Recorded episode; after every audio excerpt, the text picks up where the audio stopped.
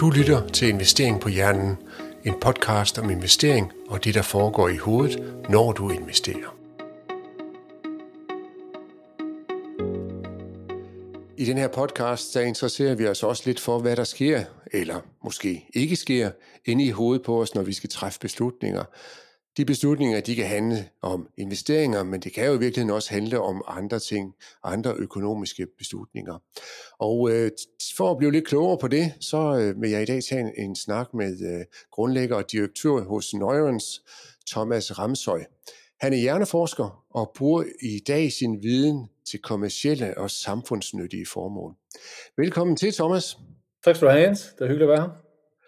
Ja, det håber jeg, du vil med at synes jo. Øhm, og hvad sker der så noget inde i de, vores hjerner, når vi sådan sidder og kigger på hinanden på sådan en skærm egentlig? Ved, ved du noget om det? Ja, det, det, der sker utrolig meget. Uh, vi, uh, vi reagerer super hurtigt. Altså, der sker jo konstant en afkodning af hinanden. Ja. Så det vil sige, altså det her med første indtryk, det er altså nede på millisekundniveau, og det er, det er alt fra, hvordan du fremstår, det er symmetrien i dit ansigt, det er konstellationer i dit ansigt, det er Øh, det er også hele tiden din mimik, for eksempel. Altså, og, og du kan sige, en af de grundlæggende ting, som hjernen gør, det er, at den prøver hele tiden at forecaste, den prøver hele tiden at forudsige, hvad sker der næste, hvad, hvad er næste sekund, hvad er næste minut, osv. Så, så der sker, når vi ser andre ansigter, når vi kommunikerer med andre, så er der en konstant evaluering, og det er jo bare på det visuelle. Altså udover det, hvad bliver der sagt, og med hvilken intonation bliver der sagt. Så, så uden at vi skal sætte ord på det, så arbejder vi på mange kanaler allerede herinde for de første 30 sekunder. Nogle gange så påstår jeg, at vi faktisk, eller der, der er vi helt tilbage til dengang vi var hulemænd, hvor vi lynhurtigt skulle finde ud af, ven eller fjende.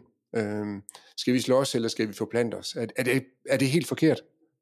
Nej, altså der er jo selvfølgelig flere nuancer i det. Nu handler det ikke for, for os, om vi skal slås eller forplante os. Nu handler det mere, er der, er der, er der venskab? Er der noget udbytterigt øh, forhold her? Eller er du en potentiel trussel for mig, kan man sige, på kort eller lang bane? Og det er, noget, som, det er jo noget, vi konstant uh, vurderer, kan man sige. Ja. Og også velvidende, at selv inden for sådan en lille, skal sige, en lille gruppe, så kan det også ændre sig dynamisk over tid. Og skal sige, måske en af de ting, som vi, vi mennesker skal sige, udviklet os til gennem evolutionshistorien, det er, at vi er jo egentlig udviklet til at have en hjerne, som forstår og begriber mindre grupper, men ikke store samfund. Og det er jo vældig interessant. Og for lige at blive lidt klogere på dig, så har jeg noget, der hedder kvikrunden her, som vi egentlig plejer at starte med, men nu kommer jeg lige til at forgribe mig på øh, det, vi kommer til at snakke om der, fordi jeg synes jo, det er meget spændende. Men kvikrunden, der får du egentlig bare to valg, og så skal du sige, hvad du helst vil af de to. Kaffe eller se? Kaffe. Roman eller faglitteratur? Faglitteratur. Hvad skal det handle om? Videnskab generelt. Videnskab generelt? Ja.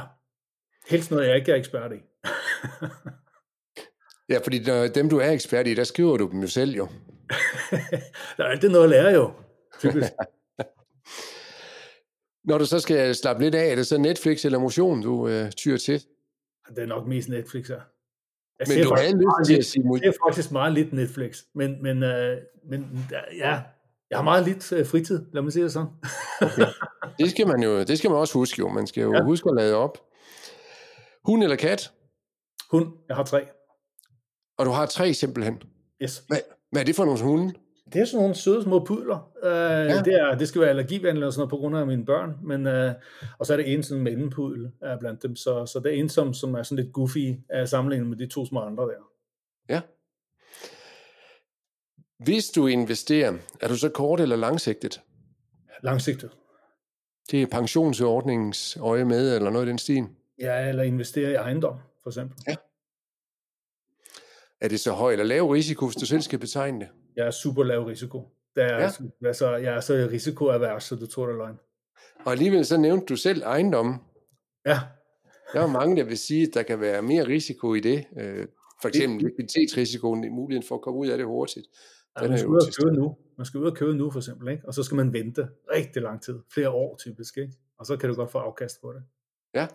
ja, der er ingen tvivl om, at, at øh, sådan nogle, nogle kriseoverhold, det, det kan være interessant at gå ud og købe noget. Øh, jeg er lidt i tvivl om, ejendommen er, er faldet nok øh, endnu, præcis, men det kan være. Præcis. Det kommer an på, hvor man køber hen, for eksempel. Ikke? Uh, ja. Så der er visse, visse, visse områder, hvor man måske kan svare sig bedre end andre. Men vi må se til foråret, hvordan det ser ud. Præcis.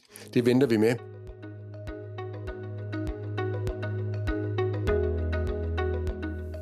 Du lytter til Investering på Hjernen. Husk at abonnere, så du ikke går glip af et afsnit.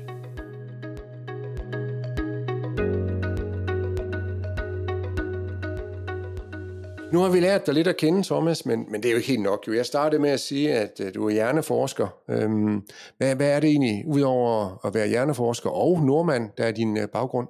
Jeg plejer at kende mig selv skabsdansker. Altså, jeg, jeg, er nok, øh, jeg ligger og svømmer et eller andet sted ude i Kattegat. Jeg har boet længere i Danmark end i Norge nu, så, så jeg ved ikke helt, hvad jeg er efterhånden. Det bliver sådan lidt Henrik Ibsen over det, tror jeg. Så. Men altså, jeg, jeg er født op også i, i Norge. Jeg har boet alle mulige steder i Norge, flyttet direkte fra øh, Tromsø over du ved, nord for Polarcirklen og direkte ned til København i sin tid. Øhm, og har blevet, er blevet her lige siden. Øhm, Hvorfor flyttede du? Jamen det var, altså i sin tid, så var det ikke muligt at øh, for at fortsætte på psykologistudiet dengang. Øh, der var sådan en, en afvikling af en gammel ordning til fordel for en ny øh, ordning. Og det gjorde, at jeg tænkte, ved du hvad, prøv prøve noget andet. Og på det tidspunkt var jeg sammen med en dansk-norsk kæreste, og vi valgte at sige, lad os smutte ned til København. Jeg begyndte at arbejde i psykiatrien, blandt andet der, mens jeg, mens jeg læste lidt ved siden af og så videre. Og så kom jeg så ind på universitetet i Trondheim, hvor jeg så tog et år, og så fik jeg så meritoverførsel og fik, jeg læste faktisk længere end et år, men øh, så kom jeg til sidst her på, på studiet nede i, i København i stedet for. Men, men nu har du sagt psykologi. Øh, hjerneforskning, det er vel lidt et andet øh, felt? Ja, du kan sige, altså for, for det ikke skal være løgn, så tog jeg faktisk handelsskolen først i, i Norge, og så tog jeg så psykologi. Um, I Norge er jo psykologi, eller psykologi generelt er jo, er jo blevet videreudviklet nu, hvor der har taget hjerneforskning til sig, uh, for, for, for bedre at forstå forskellige dele af menneskesindet. Og det vil sige, at jeg blev også skolet som det, der hedder neuropsykolog. Og det betyder, at man, man egentlig har en forståelse af, hvad der sker i hjernen i forskellige funktioner, alt for den måde, vi tænker på, taler på, opmærksomhed, men også følelser og, og så videre, og beslutningsprocesser. Så, jeg, så efter jeg var færdig som psykolog, så blev jeg autoriseret og begyndte at arbejde en del som neuropsykolog, og arbejde med folk, som du ved, har hjerneskade, eller skal udredes, eller genoptrænes, eller demensformer osv. Så, så, så, psykologien og hjerneforskning hænger meget, meget godt sammen. Men, men skal sige, når vi skal snakke om hjerneforskning, så sige, at hjerneforskning er jo et vældig stort begreb. Det går jo helt fra at studere snegle og enkeltceller og molekylære processer inde i cellen. Og det lærte faktisk rigtig meget over i, i Trondheim for eksempel, der, hvor de her Nobelpristager, øh, øh Edvard Majbrit Moser var. Øh, så der, der skulle man jo tænke på, øh, kunne, kunne på fingerspidserne. Ikke? Og så helt over det der med, hvad sker der, hvis du får en skade, eller hvis der er aktivitet i den del af hjernen, er det så der, du lærer sprog, for eksempel, eller hvad det skal være. Ikke? Øh, så, så der er hele spektret der. Um. Mit fokus ligger meget på det sidste. Det er, hvad sker der i hjernen, når vi har psykologiske mekanismer, kan man sige. Og det kunne være sådan noget som at, foretage et valg eller en beslutning. Er det ikke korrekt? Så kan du lave nogle udledninger af det. Præcis. Altså, hvordan forstår vi, hvordan forstår vi, øh, hvad lægger vi mærke til for eksempel, og hvorfor? Hvad er det, der trækker vores opmærksomhed? Hvad er det, der skaber øh, frygtoplevelser, i, når vi ser en gyserfilm, eller når vi ser aktiemarkedet styrt dykke for eksempel? Ikke? Øhm, og hvad, er det, hvad, hvad driver det af vores beslutninger? Man har øh, historisk set talt meget om, at der var forskellige dele af hjernen, der gjorde forskellige ting. Altså øh, det her med højre og venstre hjernehalvdel for eksempel. Øhm, er, er det rigtigt, eller er det øh, bullshit? Ja, det er nok det sidste. Ja. altså du kan sige, øh, i langt tid af vejen, så har vi jo haft en antagelse som at visse dele af hjernen gjorde visse ting. Og det vil sige, at vi så lige pludselig blev det sådan, at vi havde et frygtcenter, vi havde et nydelsescenter, vi havde et stresscenter, vi havde et uh, empaticenter osv. osv. Og det, er, det passer bare ikke. Altså det er, omvendt skal vi sige, det er jo ikke sådan, at hjernen bare er en stor masse, som, som laver alt sammen, og vi kan ikke finde ud af det. Sandheden ligger et sted mellem. Det er et kæmpe netværk, hvor du har visse moduler, som er mere specialiseret end andre, og så har du visse dele, som går, går sammen om at løse en opgave. Og det vil sige, at du skaber netværk, som konstellationer kan man næsten kalde det, som laver nogle ting sammen for at løse en opgave. Og det vil sige, at hvis, øh, når du og jeg vi sidder og kigger på hinanden her, jamen så har vi noget synsområde, vi har noget, altså videre nede på undersiden af hjernen, så er der et område, som, som øh, forstår eller genkender ansigter, så har vi et område i hjernen, som har med ansigtsudtryk at gøre, for eksempel. Øhm, og så har vi omvendt, hvordan er det, det påvirker vores egne ord, vores egne tanker, vores egne handlinger, kan man sige. Og det er jo bare et netværk i sig selv, for at forklare, hvordan vores interaktion er. Og så er det så øh, tilsvarende netværk for, for andre ting. Nogle gange, når jeg læser noget omkring adfærdsøkonomi, så er der, så er der nogen, der har lavet sådan nogle øh, fMRI-scanninger og, og omtaler så, at der er aktivitet i belønningscentret. Er der så heller ikke noget, der hedder det? Um, det er desværre lidt misvisende, og, og meget tit, når man snakker om belønningscenter, så er det et, øh, et område i øh, noget, vi kalder, altså det, det, det faglige term, det er basalganglierne, eller endnu mere, uh, så bliver det typisk kaldt ventral striatum, eller endnu mere præcist, nucleus accumbens. Det område har man fundet ud af, at der er mere aktivitet i det, når vi forventer noget positivt. For eksempel, vi laver en indsats, og vi forventer for en belønning, for eksempel. Men der har også vist sig, at det samme område faktisk er aktivt, og nogle gange endnu mere aktivt, når vi forventer noget negativt. Så i stedet for at kalde det et belønningscenter, så kunne man hellere kalde det et uh, forventningscenter. Mm-hmm. Interessant. Har vi et investeringscenter? Det vil jo så faktisk være en meget hen det samme sted. Øh, for ja. når, når du investerer, så forventer du at få noget, at der sker noget et eller andet sted. Ikke? Og vi snakker som helt indledningsvis om, at hjernen den har den her funktion, den prøver hele tiden at forekaste, den prøver hele tiden at forstå, hvad sker der nu, hvad sker der nu, hvad sker der nu. Og et af de steder er lige præcis det her dybe område, som konstant prøver at sige, hvad sker der nu, hvad sker der nu, hvad sker der nu. Og når du så sidder og følger med en graf, som går op og ned, og du så lægger dit bet på på et tidspunkt, lad os sige, der er microinvestment for eksempel, ikke? jamen så, så sidder du hele tiden det her, det her, det her sted i hjernen, det sidder er fuldstændig hyperaktivt, for det står hele tiden og fortolke, hvad er der sker nu, nu, nu, nu, nu, nu, nu, konstant. Og til sidst så siger du, at ah, nu må jeg handle. Og det er fordi det her center, det, eller det, den hjernestruktur, den viser lidt ekstra skal sige, afgørende information, kan man sige. Der er faktisk også et andet sted i hjernen, som hedder amygdala, som man traditionelt har kaldt for øh, et frygtcenter. Fordi man har fundet ud af, at det område i hjernen, det er meget aktivt, når vi, når vi viser frygt, for eksempel. Mm-hmm. Men vi har altså blandt andet med FMI-studier og gennem nogle tidligere studier, vi har selv har gjort, øh, har vi fundet ud af, at det samme sted, det har faktisk meget at gøre med, om det er let at træffe en beslutning.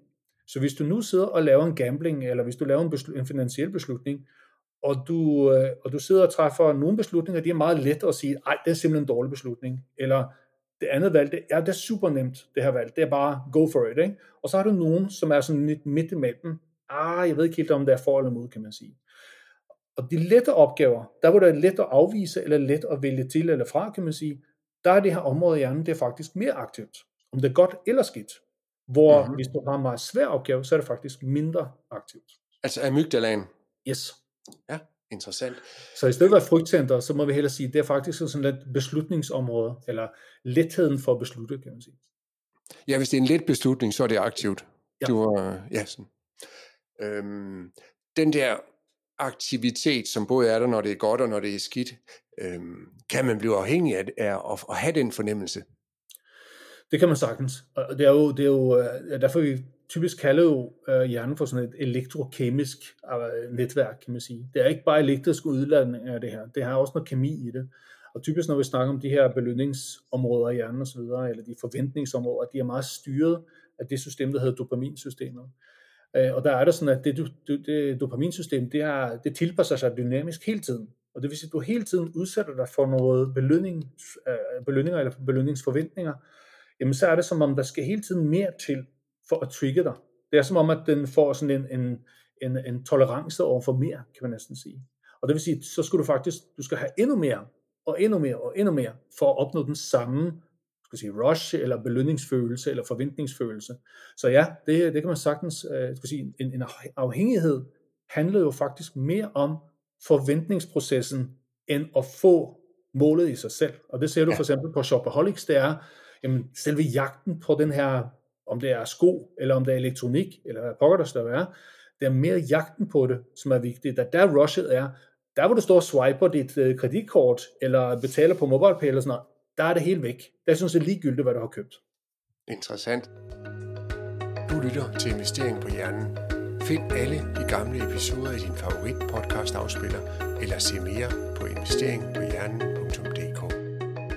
Hvad, hvad, sker der så, hvis man jo gør en, tager en beslutning, f.eks. en investeringsbeslutning, i forventning om at få den her gevinst, og man får jo så glæden ved at gøre det.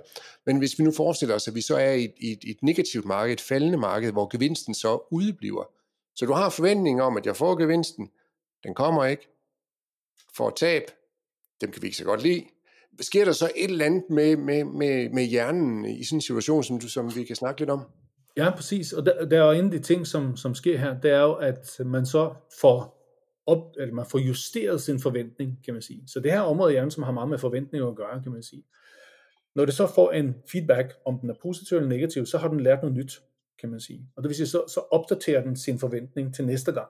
Øh, og hvis du nu er på nedadgående spiral, og du simpelthen ikke får den der belønning, kan man sige, i sidste ende, jamen så ender du faktisk med at udvikle det modsatte af, skal sige, en afhængighed. Du bliver faktisk nærmest sådan, øh, skal sige, finansielt depressiv, øh, kan man næsten kalde det. Ikke? Altså du undgår faktisk at lave ja. investeringer. Og der er der vi snakker om mere sådan en tabsaversion eller sådan noget, ikke? Hvor, man, hvor man faktisk er langt mindre tilbøjelig til at investere selve gode muligheder.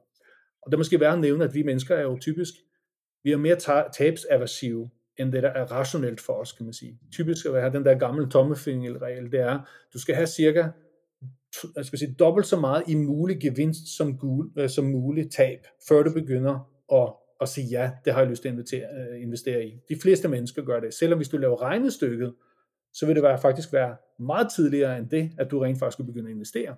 Så vi har sådan en default mode, at vi vil hellere undgå muligheden for det negative, dobbelt så ofte som muligheden for at opnå tilsvarende positivt. Så, så det, er lidt, øh, det er lidt interessant. Og så er der stor individuel variation, som, som vi kan også snakke lidt om her.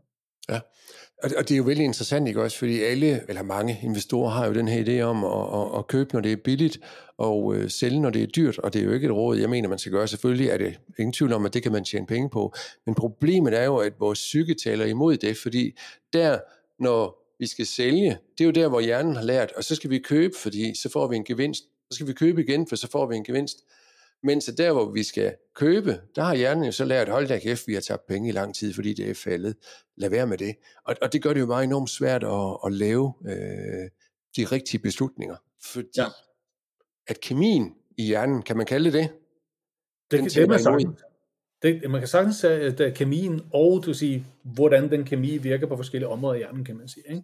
Ja. Og jeg tror, en af de ting, vi, vi kan se, er, altså i hvert fald hvis man, det sidste man skal gøre, den man skal, man, man skal begynde at investere uden at være klar over de her ting.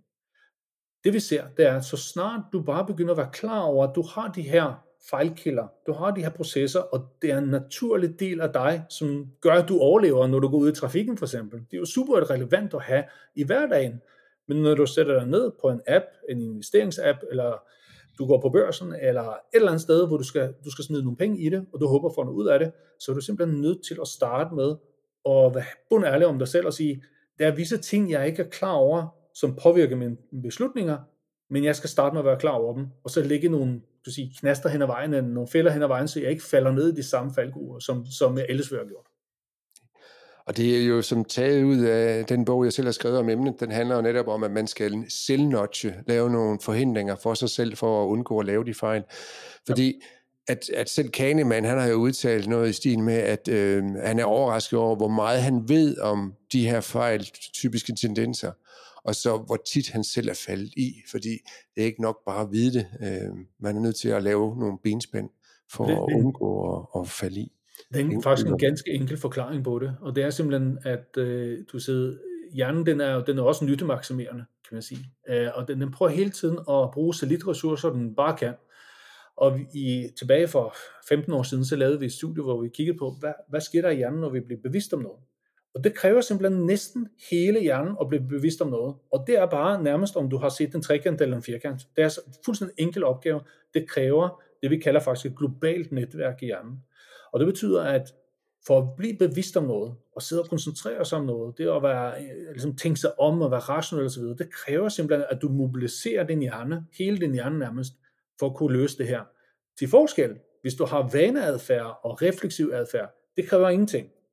Og det betyder også, at øh, når hjernen den, altså, øh, den lærer, træffer beslutninger, så har den en sådan en default mode, hvor den siger, at det er bare autopilot øh, reaktion, og så skal du egentlig tage dig tid til, tælle til 10, mobilisere dig, og så tænke dig om, kan man sige. Og hvis vi ikke gør det, og det er typisk, hvis vi nu sidder rundt og bliver forstyrret hele tiden, og har multitasking og devices osv., så, så falder vi super hurtigt ned på det der basale niveau der, som Kahneman kalder det system 1 for eksempel, men det her, altså det, der, der er så let, vi er let at nudge, når vi bliver distraheret for eksempel. Ikke?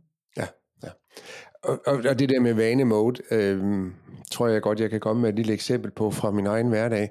Fordi at, at for øh, 5-6 år siden, så lavede jeg rigtig meget motion. Jeg løb meget langt. Jeg lavede øh, Ironman, ikke for at jeg skal sidde og få ros for det, men, men hvis der er nogen af lytterne, der har lyst til det, så skal de være velkommen til at, og også rose mig for det. Men, men jeg trænede rigtig meget. Så fik jeg en skade, og kunne ikke rigtig træne noget tid og øh, faktisk to år. Og nøj, hvor har det været svært at komme i gang igen. Hvor før, når vækkeuret ringede, det var op og ud, og så sent som her til morgen, der ringede vækkeuret, men nej, hvor var det da meget rart lige blive liggende, og det er jo også koldt ude, og jeg kan jo bare træne i eftermiddag, selvom jeg ved det, for jeg ikke gjort, og nøj, hvor har hjernen travlt med at forklare mig, at det skal nok gå det hele alligevel jo. Øh, ja, og det værste, var det, det hele, og det værste af det hele, det føles rigtigt, når du siger ja. til dig selv, den mavefølelsen siger, jamen det er jo rigtigt nok. Ikke? Ja, ja. Og det er faktisk meget det her system 1, det her dybe område i hjernen, som taler til dig. Det, det kan godt være, det, langt det meste af de her processer, de er fuldstændig ubevidste for os, bortset fra den der følelse, at det føles rigtigt, eller det føles forkert. Og det er der, hvor man siger, hvis du bare, du kan ikke sætte fingeren på det, men det føles rigtigt, eller det føles forkert, det er faktisk det ubevidste, der taler til dig der. Og det er ja. de, de her dybe områder, vi lige har talt om. Interessant. Du lytter til Investering på Hjernen med Jens Balle.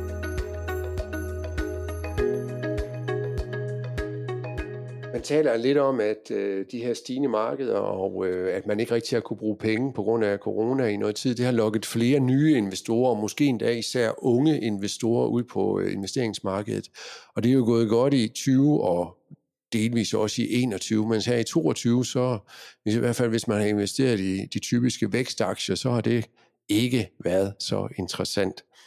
Hvad, tror du, det kan have en eller anden langtidsvirkning på de her en, lyst til at investere? Øh, 100 procent. 100 procent. Fordi problemet er jo, at altså en ting er, hvis vi tager unge investorer er en ting, en anden ting er uerfarne investorer.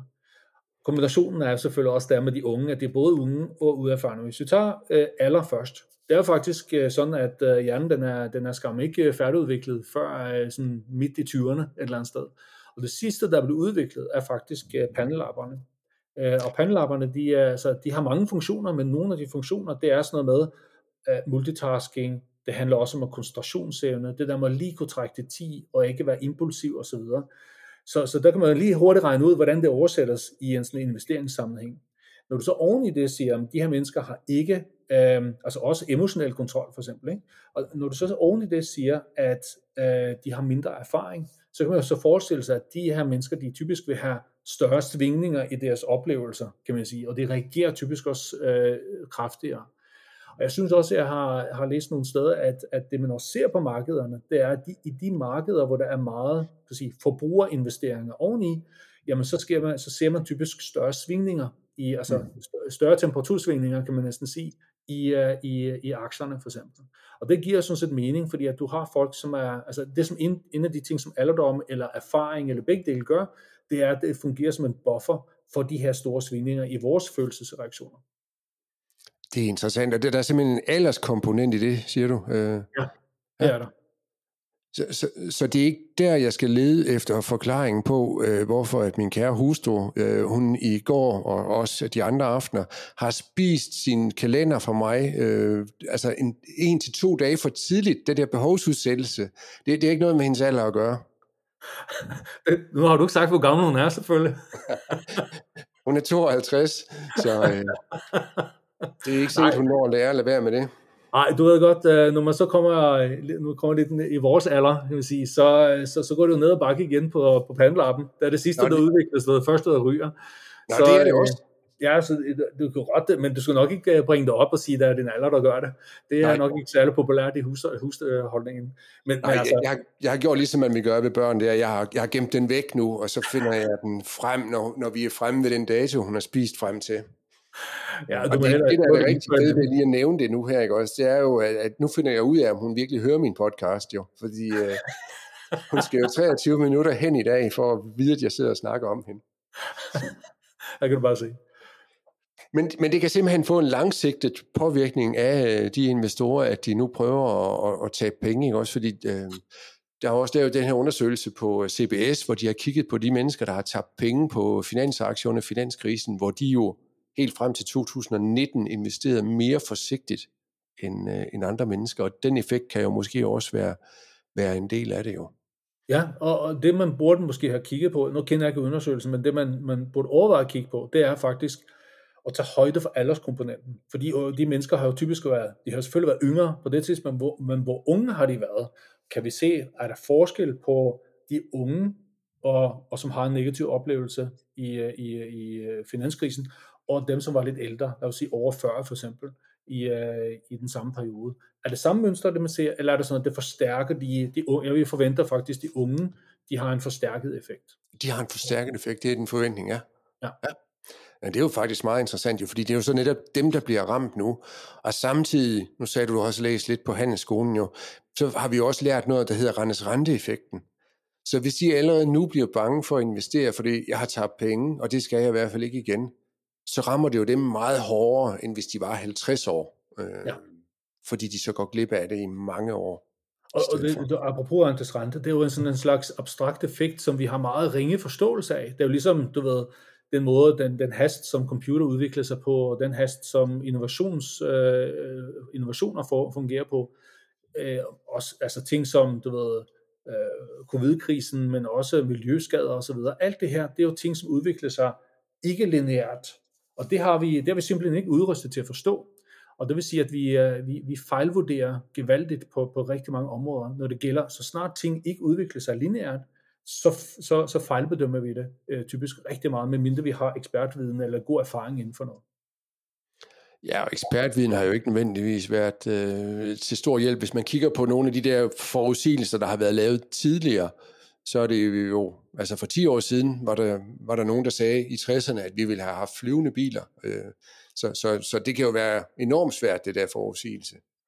Det er klart, og der, øh, forudsigelse på innovation, den er, den er altid generelt svær. Øh, og der, der kan jeg huske, at det var jo McKinsey for eksempel, de lavede jo en rapport i 20, 11-12 stykker, som sagde, at det her virtual reality og så videre, det, er, det vil være først komme om det første 30-40 år eller sådan noget, ikke? og så sad vi altså med en prototyp i hånden og var i gang med at teste. Vi, vi startede at teste du ved, for Google og Facebook og alle de her testede vi allerede i 2012-13 stykker, ikke? Så, så det var, altså det er, det, det viser bare, hvor, hvor meget eksperterne kan tage fejl i hvert fald. Ikke?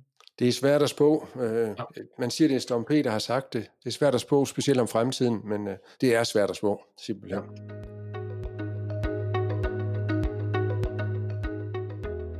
Du kan lære mere om investorpsykologi i bogen Når hulemænd investerer af Jens Balle.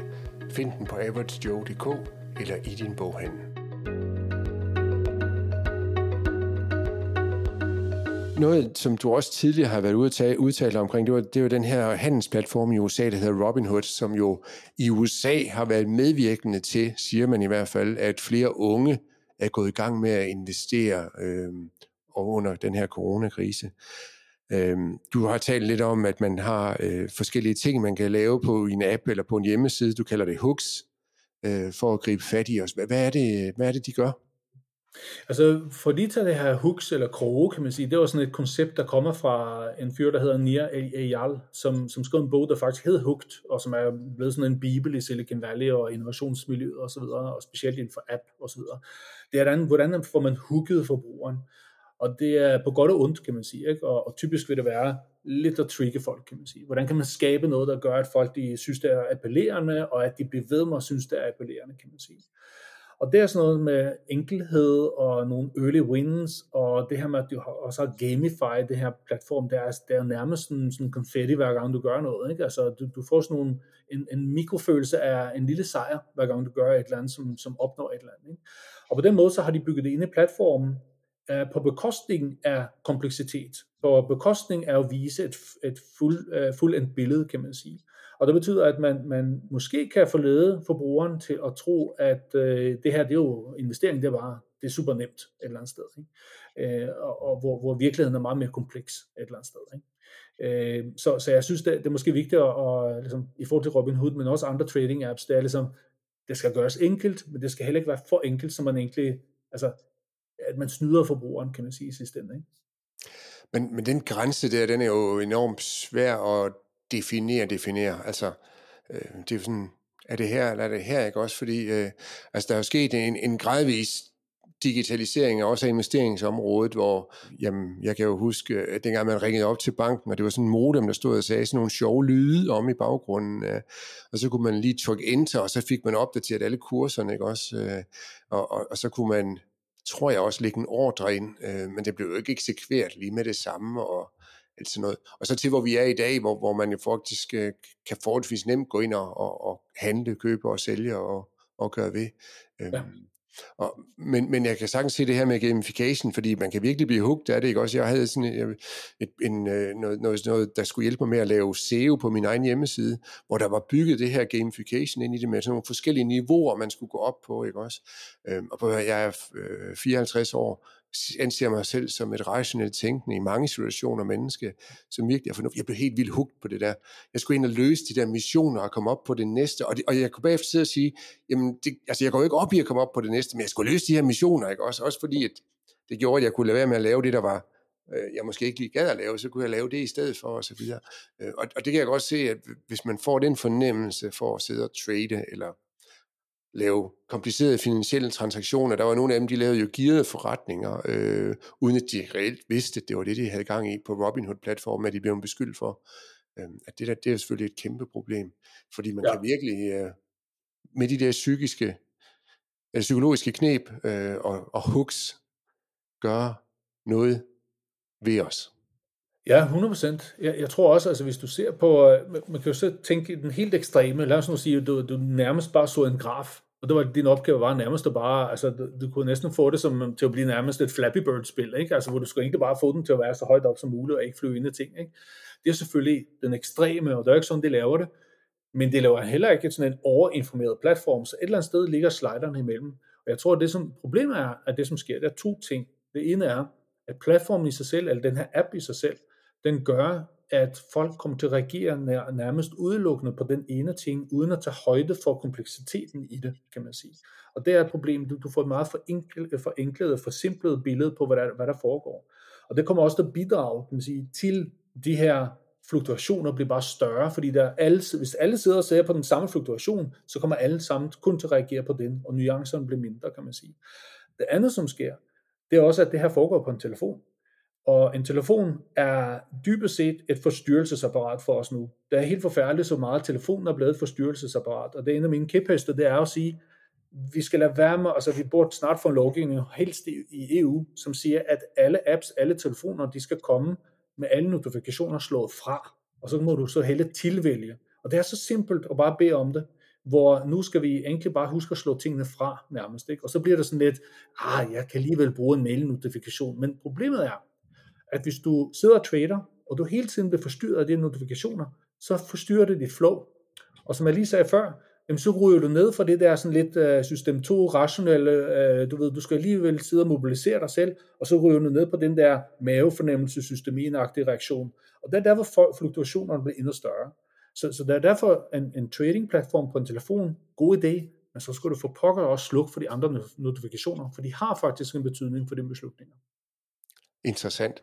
Og, og noget, der er rigtig interessant i forbindelse med det der, det er, at, at lige i går, der fik jeg sådan en ny, øh, ny dims, som jeg så skulle øh, tage i brug, og der kunne jeg så hente det fra den gamle dims, altså min, min smartphone, det er jo så over på en tablet, men, men det er jo stadigvæk det samme, og de hedder det samme, så det er ikke noget med det at gøre.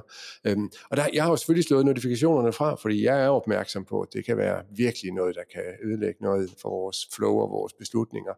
Så det med at slået fra, men de var slået til på den nye bagefter. Ikke? Også, så den, det har de valgt at overhøre. Vi importerer alle dine settings, dine kodeord, det hele, det kan vi flytte over. Dine kontakter. Men du vil gerne have notifikationer lige pludselig. Ja. Så dem har jeg jo set og slået fra her øh, efterfølgende, fordi de så begyndte at, at forstyrre mig. Præcis. Men man talte om for eksempel med Robinhood, om, øh, at, at når de viste sådan en graf øh, over, hvordan kursen var gået, så der hvor vi var lige nu, den stod ligesom sådan og, og pulserede og blinkede. Også fordi nogle gange, så står kurserne jo stille. Men det gav jo en eller anden fornemmelse af urgency, at det her det er et øjebliksbillede. Øh, om lidt, så er kursen noget andet, og så kan du, hvis du vil, nå at købe eller sælge nu, og så håbe på, at den er det, der passer i den retning, som du nu har gået. Er vi så simple, at det vil virke, tror du? Ja, det er 100%. Og du faktisk det første, der sker, når du ser sådan en pulserende, det er, at hjernen siger, hvad nu? Hvad sker der nu? Hvad sker der nu? Og, og det, det vil sige, at den holder bare fast i din opmærksomhed. Så den, den bidrager til, at du bliver ved, at du bliver hængende på platformen. Og det alene at blive hængende på platformen, er et mål i sig selv for mange platformudbydere. Øh, så, så det med at øge tiden, du bruger på platformen, der bruger man alle tricks. Og det er, hvis det er en pulserende ting, som indikerer, at noget er på vej, super. Det, er, det, det hjælper. Så det skal vi bare have indbygget, så, kan, så får folk til at, at være på vores hjemmesider og så videre. Ja, ja.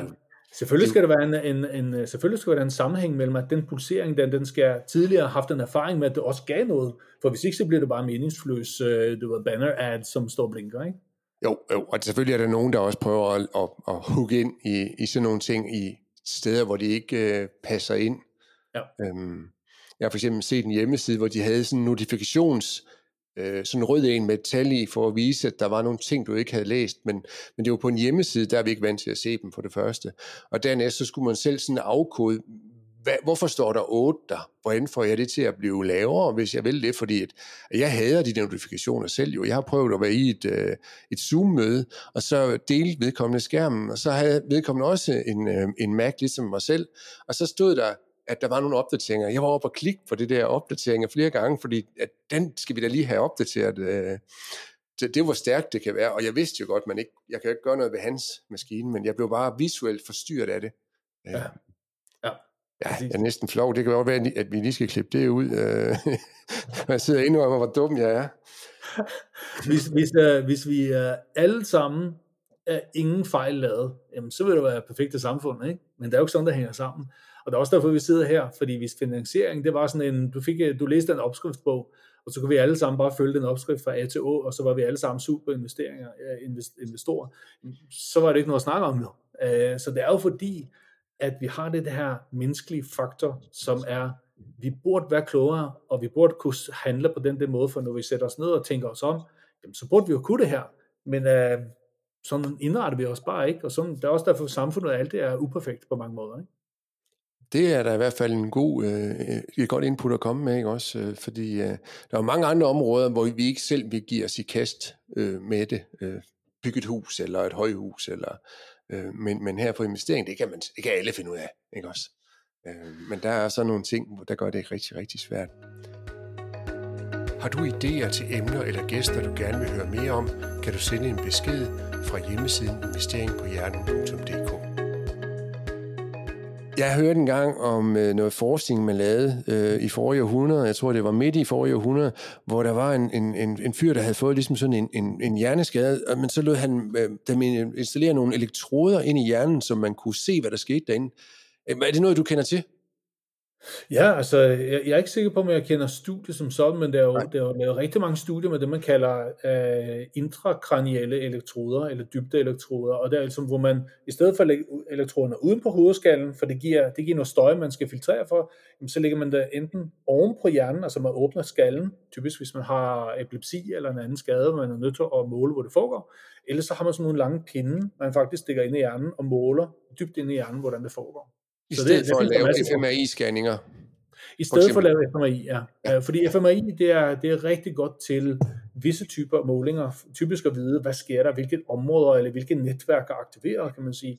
Men der, hvor du skal måle på fra millisekund til millisekund, der skal du typisk uh, måle med elektroder i stedet for. Okay. Interessant.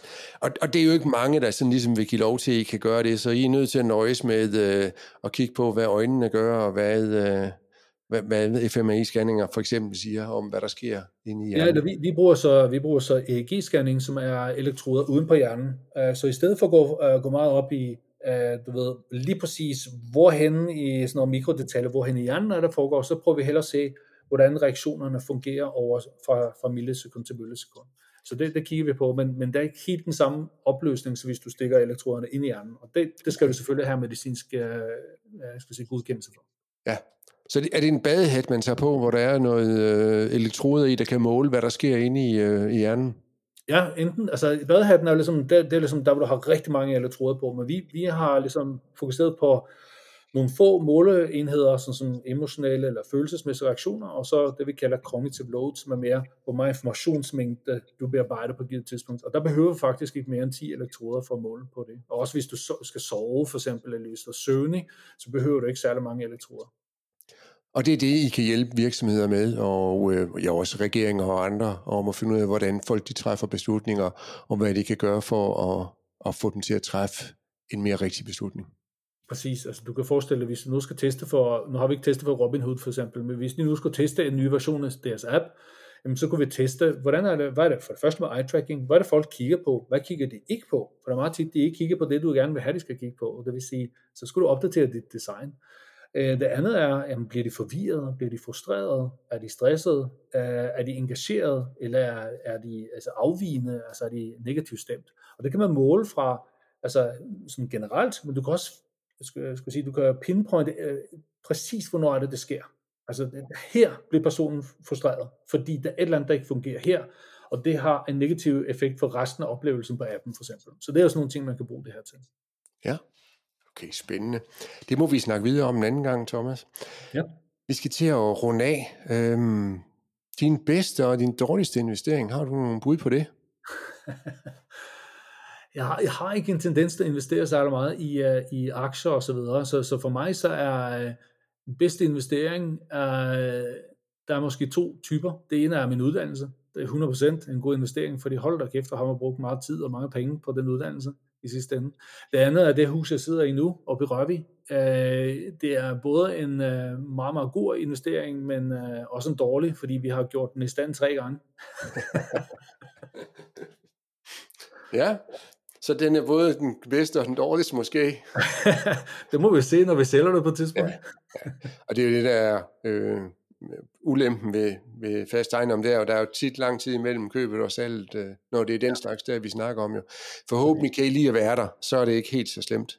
100%. Livskvaliteten heroppe, den er super god. Det er godt. Hvis du skulle anbefale en bog inden for det her emne, der vil jeg skynde mig selv at sige, at, øh, at du jo lige har udgivet den, der hedder Købehjernen, som jeg laver et link til på, øh, på podcasten også. Øh, men men en, en bog, du kunne anbefale inden for området? Ja, altså, for lige tage den her, altså købjern, den, den kan man godt læse for at netop at bruge, for det er meget de samme ting, man, man vi gennemgår der. Altså, der er jo ikke sådan, at vi har et, øh, et sted i hjernen, som har med forbrugerkøb og købe, øh, købe øh, parfume på, eller en chokolade på, og så en anden del af hjernen har med investeringer at gøre. Det er den samme hjerne, som vi bruger til de her beslutninger. Så det er, det er godt at, ligesom at måske kunne de her begrebsapparat, med, som er beskrevet købehjernen. Øhm, Udover det, øhm, der findes jo nogle bøger omkring øh, en, skal sige, om hjerneinvestering, øh, skal sige, som, som øh, på engelsk, men jeg tror nok, Ja, det er et godt spørgsmål. Der bliver jeg svar skyldig nærmest. Øh, skal, altså, det er ingen tvivl om at læse uh, øh, Kahnemans uh, Thinking Fast and Slow, uh, men, men jeg vil faktisk bare anbefale dem at løse det. Der, der, der er ikke behov for at læse hele bogen. Læs bare den første halvdel eller sådan noget. Det er rigeligt. Det jeg tror også, det er de fleste, har læst i den. Ja, det er også rigeligt. Alt det andet, det, det, det behøver man ikke. Nej. Så lad vi det gå med den. Og øh, det kan så være, at du også har det svært ved det her, ikke også? Fordi jeg slutter altid af med at spørge, om, om du har et godt råd til øh, dit eget 25-årige jeg omkring investeringer. Noget du godt vi have vidst dengang. Åh, oh, 100%. Ja, jeg vil have sagt til mig selv, øh, prøv at investere, prøv at lære det. Øh, lad være så bange for at, at tabe. Øh, men, men så, som man nok siger til alle investorer, du skal kun investere de ting, du har råd til at tabe. Øh, så sæt en pose penge til side, og prøve at lege lidt med dem og lære øh, gamet, kan man sige. Det tror jeg, jeg har sagt til mig selv, øh, min 25-årige selv. Ja, og, og noget, der er sket, som er meget positivt i forhold til dengang, for jeg tror, vi er nogle jævnaldrende, vi var 25 år, det er jo, at man kan komme i gang for meget færre penge i dag. Jo, altså, man kan starte med 100 kroner, hvis man har lyst til det. Ja, præcis. Tusind tak, fordi du ville være med i dag, Thomas. Øhm, jeg sender jo sådan en, en kop til dig her. Du kan lige se ja. den på billedet Ej, her. Øh, Fantastisk. En på hjernen, hvor der er et vigtigt budskab bagpå. Køb, slap af og bliv rig. Det er jo et af mine slogans inden for det her. Fordi investering er ikke svært. Du spurgte, om der var en opskrift. Den er der, opskriften. Øhm, og så sker der så desværre det, at vi tilsætter mennesker. Og så bliver det lige pludselig svært, fordi så tænker folk, at jeg kunne også blive rig hurtigt i stedet for. Ja.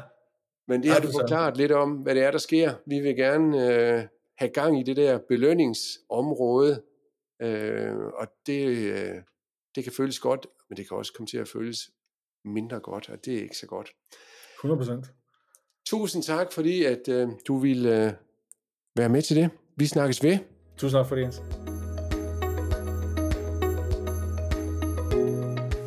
Du har lyttet til Investering på Hjernen. Mit navn er Jens Balle, og denne episode var redigeret af Emil Mantai. you.